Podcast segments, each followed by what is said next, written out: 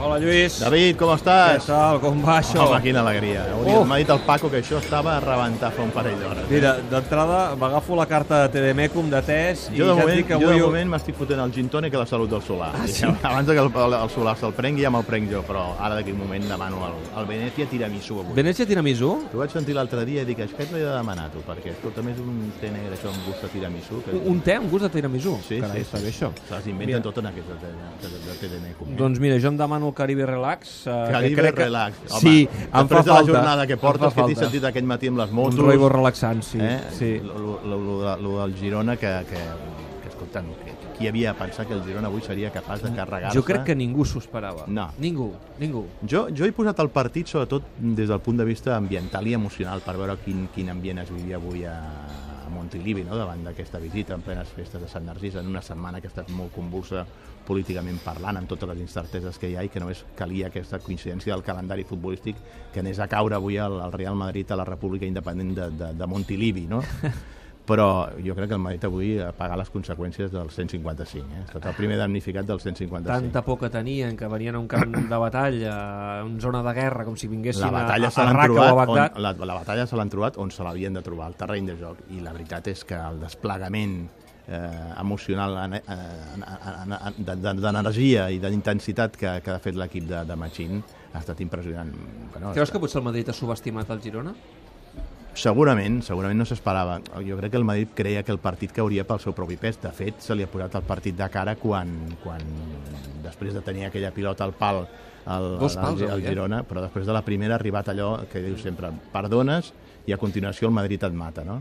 I amb, amb el 0 a 1 allò ho ensumava golejada del, del Real Madrid, però crec que el Real Madrid està trobant molt, molt, però que molt a faltar en aquest inici de temporada. Primer perquè estava sancionat i després perquè no està en el seu millor moment de forma els gols de Cristiano Ronaldo. I de Benzema. Eh, Benzema Bueno, però- n'ha fet però- un i Cristiano n'ha fet Però un. Benzema ja saps que no hi pots comptar molt amb gols, però Cristiano Ronaldo, aquestes alçades de la Lliga, com a mínim 8, 9, 10 gols però portaria, els no? gols dels dos sumats, que abans, en temporades anteriors sí que arribaven, si no arriben això es nota. Sí, però mai ha estat un golejador Benzema, ha estat més un davanter generador de, de, de, de futbol, d'ocasions, de facilitar-li la feina a Cristiano Ronaldo que un killer, és molt més killer, per exemple, Luis Suárez, tot i que darrerament està una miqueta en hores baixes també en aquest aspecte, però, però el Madrid està trobant a faltar molt aquests gols de Cristiano Ronaldo i s'està salvant sobretot per la inspiració disco perquè després altres jugadors també que, que acostumaven a ser molt determinants en aquestes últimes temporades també els veig un pèl fora de forma per exemple, per, per mi un d'aquests casos és Modric no?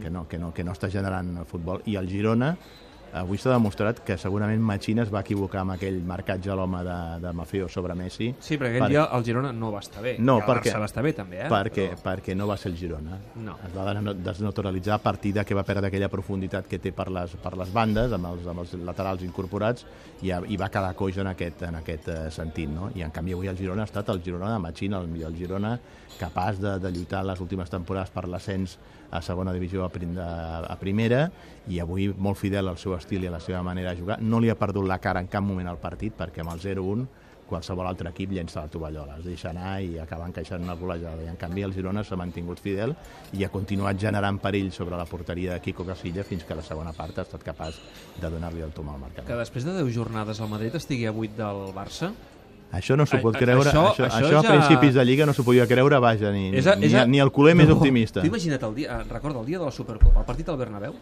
que et diuen que a la desena jornada, després d'aquella desfeta del Barça al, al, al Bernabéu, No, Neymar, tot el tema de, de l'estiu, que et diuen que el Barça, eh, després de 10 jornades, estarà 8 punts per sobre del Madrid. És que ningú s'ho creu. Ningú. Et pensa que, et penses que si algú t'ho diu que vas més taja de gin tònics que, que Sí. la del Solà avui al final d'aquesta nit, no? Se'ls mereix avui el Solà. Home, i tant. El gin l'he de felicitar per la narració que ha fet, perquè ha estat impressionant, eh? Mm. Impressionant. E- Era impensable perquè fins i tot teníem la sensació una mica, i el mateix Piqué ho va, ho va deixar entreveure, com si haguéssim arribat a la fi d'un cicle i al començament d'un altre, no? Amb un Real Madrid que venia de guanyar dues Champions consecutives, de ser campió de Lliga, el Barça que havia perdut a Neymar, que no havia aconseguit els reforços que esperaven al mercat d'hivern, semblava que la dinàmica es capgirava de, de manera total i que el Madrid passava a ser el clar dominador de, del futbol espanyol. I Potser ara, a, a Madrid el, he sentit algú aquests últims dies que parlava de...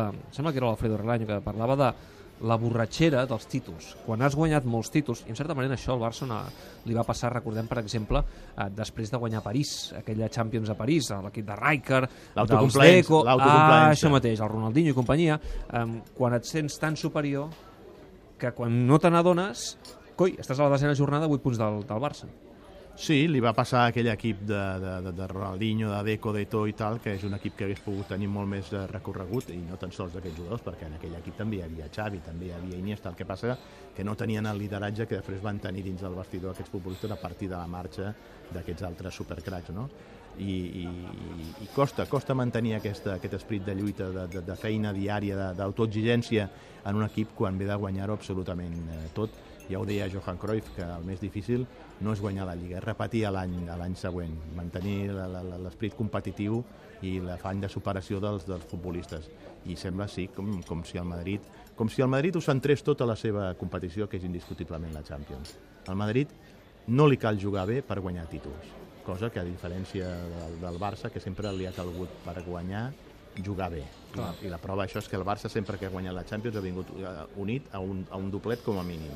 Ha guanyat cada temporada que ha guanyat Champions, com a mínim Lliga i Champions. Per què? Perquè això et dona una exigència en el dia a dia, en la setmana, amb una regularitat que això només t'ho dona la competició de la Lliga. El Madrid és capaç de quedar com va passar un, crec que va ser l'any de l'octava o de la novena, que no s'havia classificat ni per jugar a Europa la temporada següent i va guanyar la, la, la, la Champions, i així va treure el passaport per continuar disputant la Lliga de Campions del Madrid. És un equip és el més resultadista de la història. Té aquest ADN guanyador, que no li cal fer gran futbol. Per, Ara per... seré una mica dolent, però no sé si en aquest Barça del Valverde també se li pot dir resultadista, perquè el partit d'ahir a Sant Mamés No, ja hi ha a- gent que a- diu no hem jugat bé, hem sigut discrets, però s'ha guanyat. No, no, és veritat que el Barça de Valverde se li pot, eh, se li pot acusar de que no està fent un gran futbol, que no està allò enlluernant, però en canvi treu els partits, eh, treu els partits de davant, en, en base a dues peces vitals, no?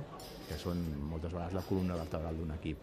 El davanter, el jugador desequilibrant, que és indiscutiblement Leo Messi, que ja poden passar els anys i, i, i les temporades que ell continua sempre amb un, amb un índex de- d'eficàcia brutal i que tot el perill del Barça passa per les seves botes. És que si no és Messi, a vegades trobes a faltar que hi hagi altres jugadors capaços de generar perill a l'àrea contrària si no és l'astre argentí. I després darrere, escolta'm, nano, aquest uh, Ter Stegen ens ha sortit. Uh, Les tres aturades que fa ahir són Ah. espectaculars. Especialment aquella primera, aquell, aquell, aquell, aquell 1 contra 1 amb, amb, amb Aduric, adivinant cap, perquè allò era com un llançament de penal, perquè Aduric es va plantar tot sol davant d'ell en un 1, contra 1 i l'aturada que li fa i després de la segona part aquella pilota que li treu amb el cap a la rematada de cap de San, de San José mm, i són, són certament espectaculars. Valen, valen per 3 punts i crec doncs, que el Barça a base d'aquestes peces que són tan claus en un equip està tirant la temporada endavant És un Barça eh, que genera confiança, bàsicament, eh, pels resultats,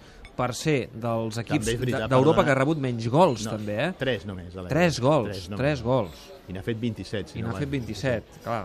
També és, veritat, també és veritat que ens quedem una miqueta amb la sensació de la segona part, que no va ser bona. I a Mm. més a més on el Barça, sobretot, es va veure dominat per l'Atlètic i va perdre allò que és la, la, la, la, la, la, la millor targeta de presentació o, o, el, o el millor ADN d'aquest Barça o del Barça de les últimes temporades, que és el control del partit. Però també és veritat que la primera part el Barça va tenir oportunitats per sentenciar aquell, aquell partit. Ah, No sé si més arguments també aquest partit pels crítics a André Gómez. A mi em porta... A mi em Ai, la cara que ha fet el a, a mi, Lluís. a mi, a mi, a mi, el a mi Lluís. em té desesperat. Jo l'únic que, que, que, que, que m'imagino, després de les oportunitats que li està donant contra pronòstic en partits importants eh, Ernesto Valverde, és que intenten posar-lo a l'aparador per traspassar-lo en el mercat d'hivern. Clar. Perquè, perquè és que, a més a més, hi ha una altra cosa que no acabo d'entendre. Per què aquesta persistència de que mm, Sergi Roberto jugui de lateral? Si s'ha fitxat a Semedo, jo crec que es guanya molt més amb Sergi Roberto en el mig del camp, perquè té molta més presència en el, en, el, en el joc. I sobretot el dia que no pot jugar Andrés Iniesta i no disposes de, del mig del camp titular, dona-li més protagonisme en el joc de l'equip a, a Sergi Roberto, que per mi és una de les peces clau d'aquest Barça d'Ernesto de, d'Ernesto Valverde, però a partir de que li donguin més, més presència. I no vull parlar de Paulinho, que escolta'm, que està complint amb escreix pel, pel que Sí, va fitxar, acostuma no? a comptar els partits que juga amb, amb, amb, amb Bueno, gol fixa't i... que l'última vegada que va aparèixer al Camp Nou va ser ovacionadíssim per, per Sí, l'afició. És, sí, és, sí. és veritat, Quantes coses eh, eh, ens haguessin pogut dir a l'estiu i no ens haguéssim cregut, eh? Quantes, quantes? Com per exemple que, que la gent acabaria aplaudint a Paulinho a l'estadi del Camp i Nou. recorda que et vaig dir, no t'oblides que en el mercat d'hivern tornarà a aparèixer Coutinho, eh? Sí, sí, aquests últims dies... I, Eh, i, i, jo vaig estar pendent de Ja si, hi ha run-run. si jugava a Champions. Home, jo crec que li cal aquest jugador al Barça per, per els dies que no pot jugar Andrés Iniesta. Però jo crec que, és la meva opinió, eh? jo crec que és un fitxatge que hauria d'arribar a l'estiu. Jo no sé fins a quin punt... Bueno, l'estiu diuen que està molt avançat el de Griezmann, no? No ho sé. Jo no sé què pensar.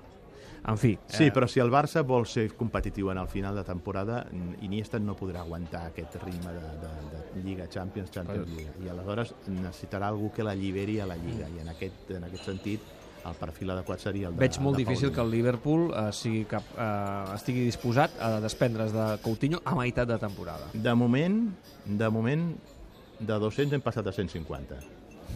Te'n recordes que l'última ja vegada, l'última vegada en el mercat Però són d'estiu, quan es va 150. pla- Però són 150. Ja, ja, ja, ja són 150. I pel que es parla es veu que té un pacte d'ell haver declinat de Mhm. continuar, de continuar en rebeldia amb el Liverpool a canvi de que el Liverpool en el mercat d'hivern escoltés les ofertes del Barça. Eh, Lluís, me'n vaig cap a redacció. Per cert, la gent de TDMecum m'ha dit eh, que si algú ara entra online, on pots fer les comandes, a tdmecum.com, Mhm. fa una comanda, eh, Mhm. qualsevol dels tests que tenen a, a, a la seva carta, gratis li l'enviaran un paquet del te que t'està esperant ara, que és el No? Venècia... Venècia Tiramisú. Venècia Tiramisú, que dones Ah. fe que és boníssim, no? Sí, sí, m'encanta. Té aquest punt dolcet que, que, que escolta, li dona un toc molt especial. Doncs mira, eh, si algú ara fa una, Eh, i una, no una comanda, cosa, aquesta nit, de quan regal té Venècia Tiramisú. José sí? María García, eh? José María García avui, quan Buenas s'apaguen... noches, saludos cordiales. T'ho va dir o no? Sí, bueno, li vaig dir jo al final del programa, per acomiadar-lo. Quan s'apaguen els llums d'avui, a voltant de dos quarts de dotze, Sí, entre eh? dos i tres quarts A de TV3. dotze, a TV3, doncs, amb José el María José García. Eh? M'ho miraré. Eh, Quan acabi el tot gira, cap a casa i... i... Aznar i Florentino i veurem queden, el- quan queden ben s'apaguen pentinats. Queden ben pentinats, Aznar i Florentino. Eh? Gràcies, Lluís. Vinga, que vagi molt bé. Adéu. Fins la pròxima. Adéu-siau.